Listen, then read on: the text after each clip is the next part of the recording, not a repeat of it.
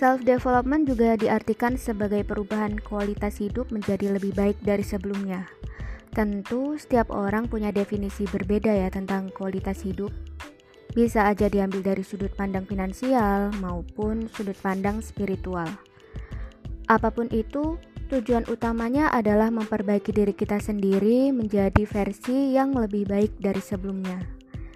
Nah, Seringkali kita butuh motivasi yang kuat untuk melakukan suatu perubahan. Jadi, gimana sih cara kita mulai untuk mengembangkan diri?